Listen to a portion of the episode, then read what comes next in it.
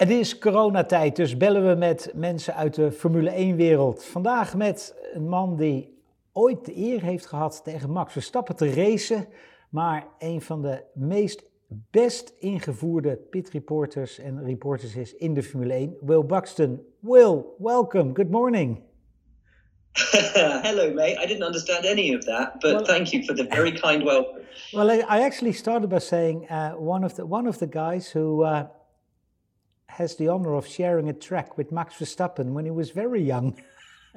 yes, yes. I can't say I raced him, but I can say I shared a track with him. And I think learned very quickly that I was better talking about racing than I was actually trying to race. Yeah, we're talking talking to uh, to Franz Tost the other day, and uh, I mean, we both. I mean, we we raced. I mean, Franz raced, I raced, and but but when you see guys like Max, you realize that um, they're on another level but I think everybody else realized that Max was on another level because it was one of those junior championships where you had access to all of the data um, and videos. There were cameras on all the cars. So after every session, you'd sit down and you'd go through the data and you'd see everyone's data.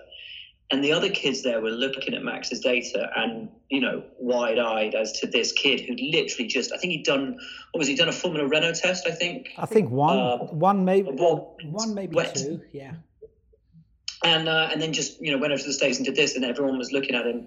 What was he, fifteen at the time? Yep. Um, and just blown away, absolutely blown away. It was ridiculous, so, and he was and he was getting up people's noses. really, like Fuoco hated him from the outset because he would just sort of sit on his on his rear wing, and he was still he was racing single seats like cars. Yeah, you know, bump drafting people, and he was sitting right on their rear wing. And but you knew, man, you knew from day one Max was going to be special. Exactly. Um, well, we, uh, we, we like to travel and we're stuck at home. Uh, what are you doing dur- during the days? How you, how you, I mean, there's lots of books. I can see lots of yeah. books. Are you, are you, reading? Are you working on? You, you've done this book, um, My Greatest Defeat, which is one of the best um, motor racing books there is. It's it's not about success. It's well, it's it is about success. It's about overcoming whatever you come across. Yeah, it's maybe the title's a bit misleading because while it's about defeats and uh, and low moments in people's lives and careers, it's about how they came through it.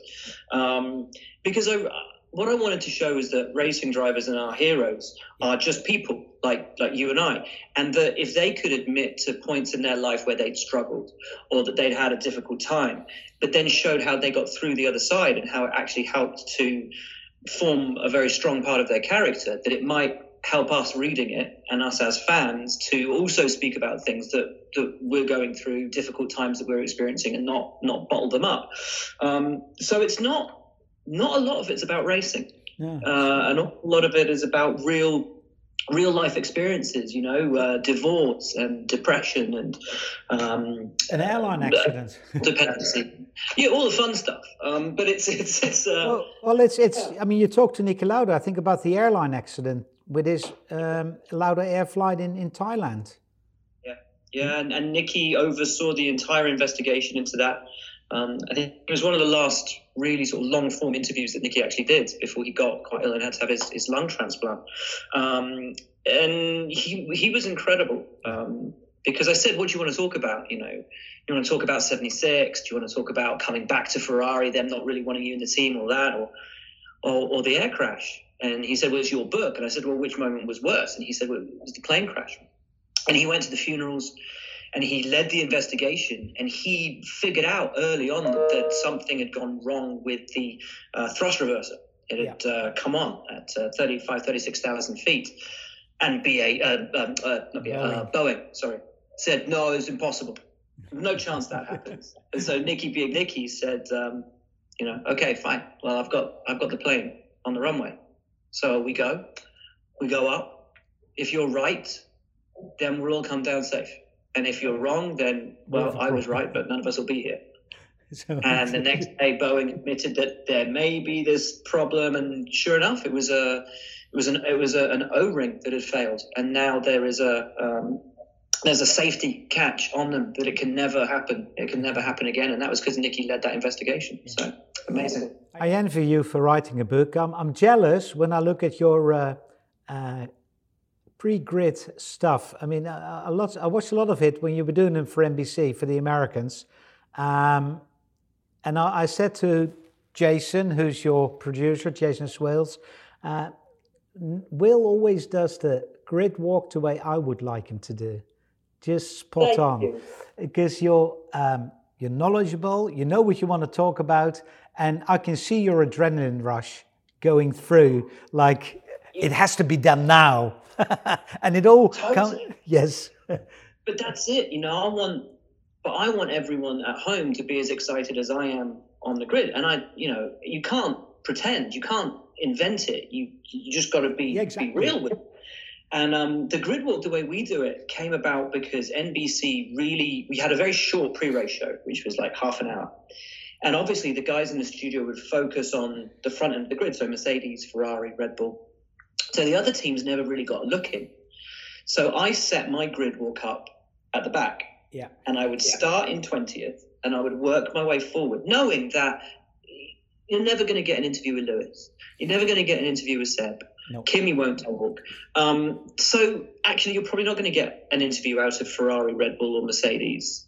So focus on the back. Yeah. And we'd start at the back and we'd talk about how everyone got to where they were, why they qualified there, what's a good result for them today, what's important. And then if there's a Kevin Magnussen or a, there's a Danny Kvyat or whoever, and let's grab them and have a quick word.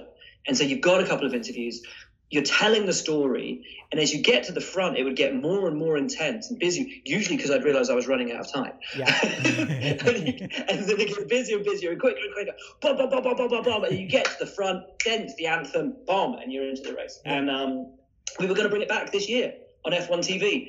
Um, the pre-race show is back, and I was going to do the grid walks again, and now there's no racing. So, so uh, when racing comes back, the grid walks back, and Good. I can't wait. I realize, I mean, because I used to start at the back, but it was usually because the Dutch drivers were at the back. So there was like, there was a good reason to start there. Um, talking about no racing, I mean, are you, um, there's, there's, there's two ways, there's quite a few people saying, should we race at all? Should we race at the same track two or three times?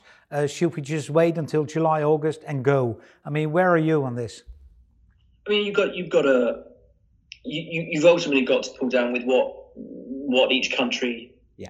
is yeah. doing and what what the government advice is. You know, one country may open its borders, but England may not be allowing anybody to fly out, or you, you, you, just don't know. And it's it's such a fluid situation; it's changing all the time. Yeah, it's like a moving um, target. I mean, it's impossible to say, isn't it? Yeah. Look, I mean, if they were to turn around and say we're going to go to Circuit Paul Ricard, right, which has a private airfield. So we could theoretically fly into Paul Ricard, never have to come into uh, contact with any of the, the French population or any people. Um, so safe from that perspective. Go to Ricard.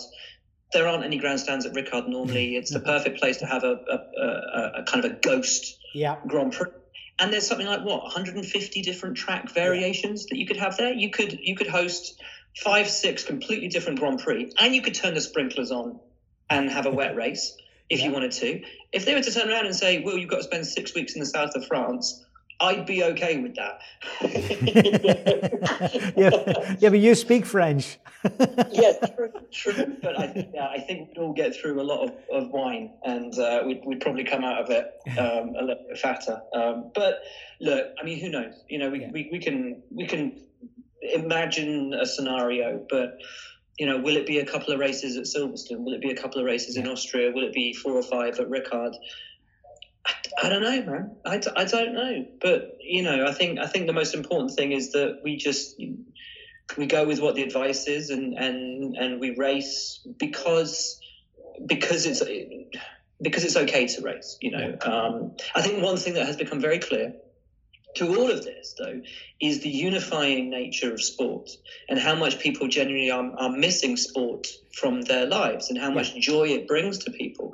And what's lovely is we happen to work in a sport uh, and love a sport that is possible to be replicated in the virtual world. And yeah. that's been amazing. Seeing you know, seeing Max go and race uh, Aussie supercars yeah. was brilliant. It was up at what was it like seven o'clock, six, six, five, six, seven a.m. Yeah. yeah. You know, sitting in bed watching it on my phone. Like this is brilliant. And um, Nando is going over and he's going to race IndyCar this weekend. I mean, how great is that? It's just brilliant. It's absolutely brilliant. And then you get the All Star races where they're racing old Brabhams at bloody Watkins Glen. It's great. Actually, the All Star races are the best, to be honest. yeah, it's just it's great. It's it's it's so wonderful that we we have this sport that yeah. is possible to be played at home.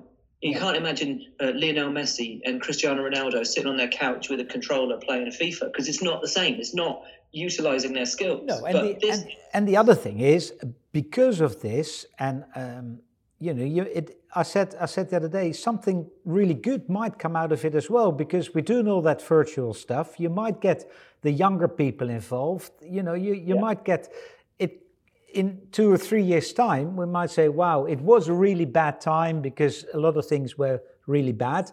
But for the sport, it's been good. Yeah, I think so, and I think it, it's it's sharpening everyone's focus as well. I think everybody's starting to realize that.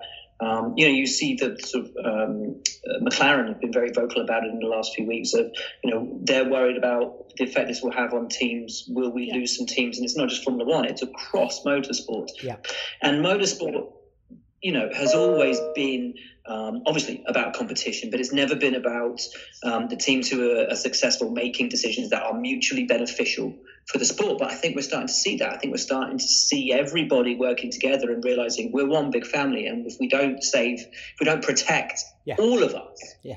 then the whole thing could fail. So what can we do to ensure the survival of, of everybody? And so maybe this is.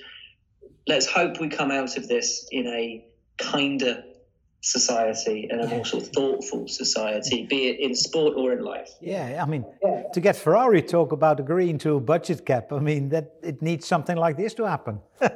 it's amazing, isn't it? It's yeah. amazing. Um, who know, look? Who knows what's yeah. going to come out of this? And uh, I mean, obviously, it's it's a shame we're going to have to um, delay the new regulations for a year. But if that obviously helps in terms of cash flow, in terms of surviving, um, yeah. it's, it's just surviving and that's it. Right now, it's all about survival. Yeah. That's, that's all.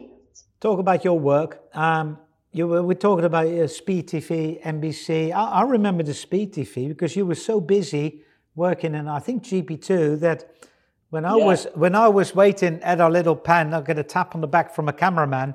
Will is not here. Can you do the interview? That's how you started in Formula One. I think honestly, I think I think you probably got more airtime on speed uh, than I did sometimes.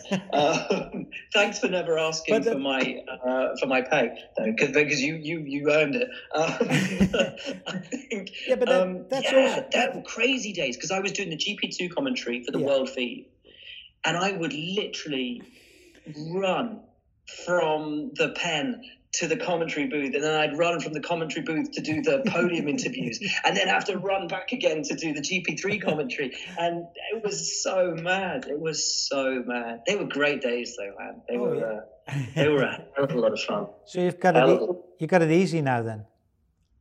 Comparatively.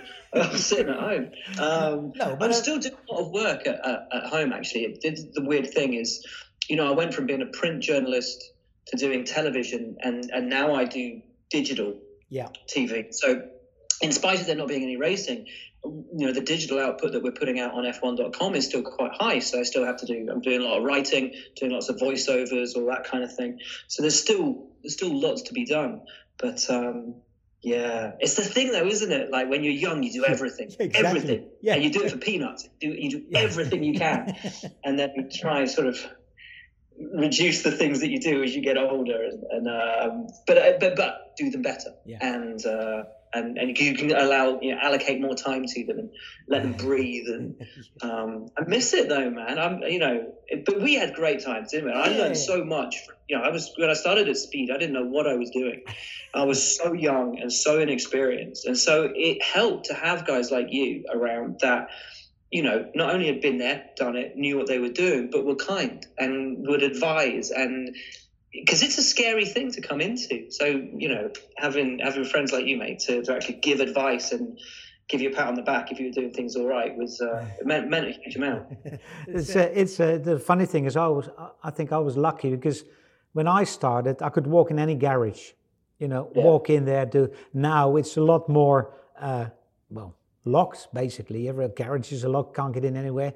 You working for Formula One got it relatively easy when I look at your after race show. Um, all the drivers come in, they put like uh, they get a suite, they put a signature on the table, they get you you know they take time, and and it's different. It's still hard though. It's still hard to get them all because obviously they'll they yeah, come yeah. out of the cars, they come to the pen, they talk to you guys, then they might go and do Sky or RTL or whatever. And if they've got time and if they feel like it, we say, look, please, you know, come and give us two minutes of your time. We won't keep you long. We'll ask you a question. We'll give you a lollipop or an ice cream or something.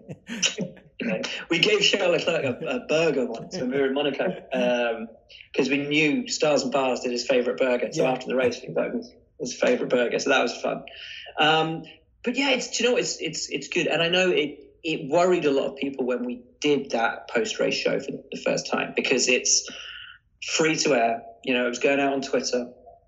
Um, we were getting a million and a half viewers from our first show. So I know that, for, you know, as a traditional broadcaster, you could be a little bit worried that we might yeah. be taking eyeballs away. But when we got the figures through, we learned very quickly that approximately 50 to 60% of the viewership weren't following any F1 accounts not any teams, not no, F1, no. not any drivers. So they'd seen it in somebody they were following, they'd retweeted it. So it's it's new eyeballs. It's yeah. not taking away from viewers that would be watching something else. It's actually increasing, creating new potential viewerships, and that's that's basically what F1 Digital it's is all about. about. It's yeah. why the YouTube channel is what it is. It's why F1.com does what it does. Is is to try and get the sport out to as many people as possible to create new fans that will then go and watch it um, on Ziggo, on RTL, on um, you know, on on Sky, wherever it might be, and that's, that's why it's why we do what we do. Yeah. Um, have you been to Zandvoort? Never.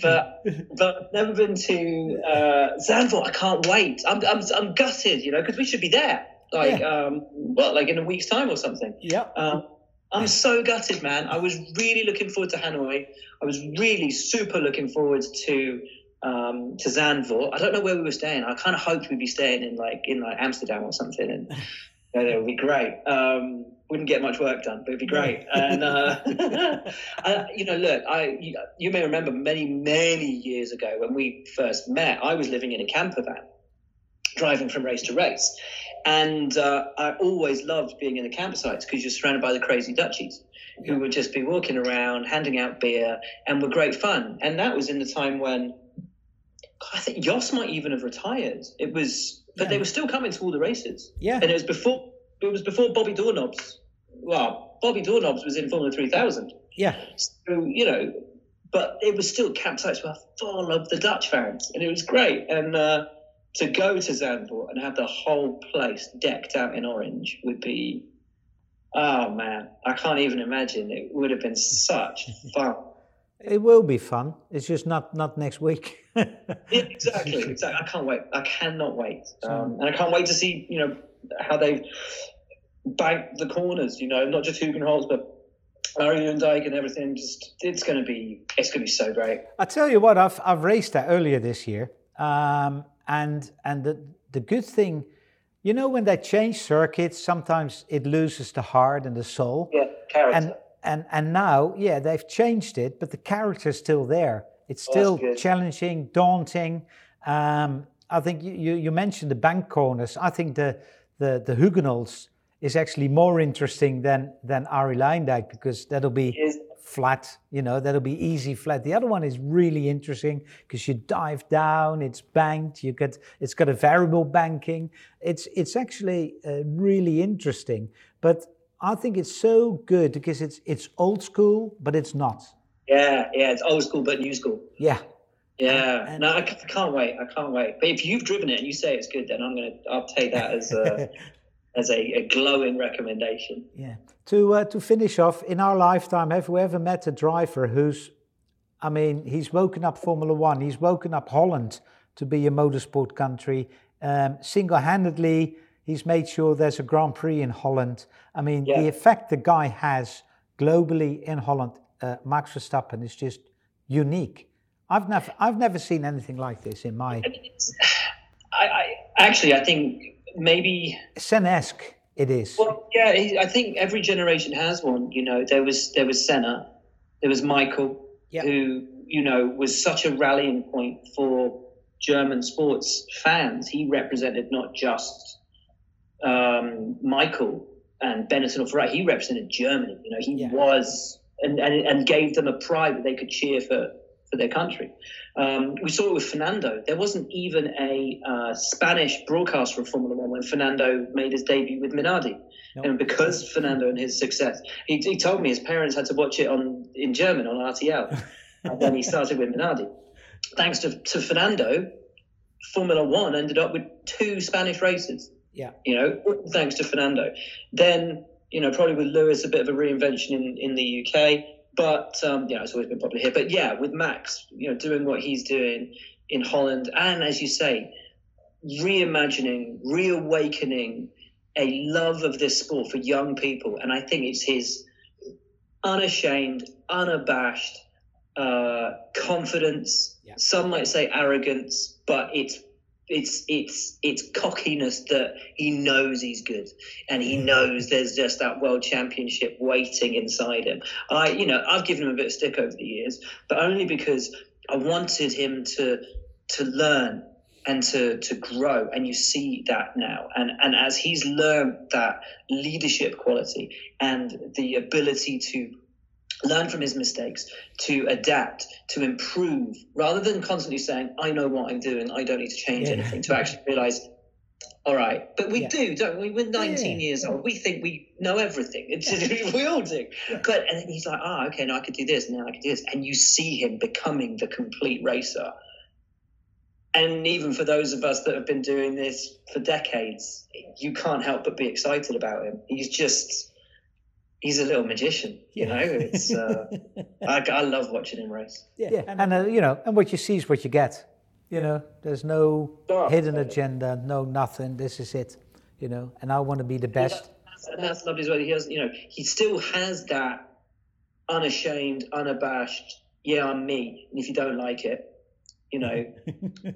yeah, basically, and I like that. I love that about him. He doesn't try to be anything that he's not and that's and you know it's great that he's part of Red Bull. You can't imagine he would have had that same freedom anywhere else. No. Um, but they let him be him, and oh man, when he gets proper car underneath him, he's going to be unstoppable. Yep. To finish off, anything we've missed? Anything you really want to share with us? Oh, I don't know. I'm doing lots of cooking on Instagram at the moment. I'm, I'm, I'm so I'm loving it because I love to cook. So what I'm trying to do is I'm trying to do one thing from all the countries that we visit that I really like to eat. So I'm trying to cook that and uh, do it. But I've never, obviously, we've not raced in Holland. So what should I what should I cook from Holland? What's a good Dutch thing? Pancakes, Ooh, I guess. Pancakes, yeah, pancakes are very Dutch, um, yeah. especially and and you do them with bacon and apple. Oh, bacon and apple. Yeah, bacon and apple. Actually, I, lo- I love it. It's actually, sometimes I go, uh, I, I, do a pancake and I get bacon, apple and cheese. And for oh, me, for hello. Me, what, what kind of what kind of cheese? Like a, like a, like a... I like a normal Gouda, just normal Dutch cheese. I mean, you put cheddar on there if you want, but that's that's uh, what I. we're going to go, we're going to go proper. We're going to go traditional with it all. Problem is, can't find flour. Sure. Flour's like it's like gold dust at the moment. Sold out everywhere, every shop. You cannot get flour for love nor money in this country at the moment. Hey, that's why I like Holland. You get ready-made pancake mix. add no. milk, add milk, and you're and you're good to go. Perfect. Perfect. all right, my all right, my friend. Thank you very much for your time. Be safe, yeah, and uh, whenever there's a Dutch Grand Prix, I'll take you for dinner in Amsterdam. I cannot wait, mate. Um, much love. Stay safe, and uh, hello to everyone in in uh, in Holland. And uh, yeah, miss you, man. Can't wait to can't wait to catch up soon. See you soon, Will. Cheers. Bye.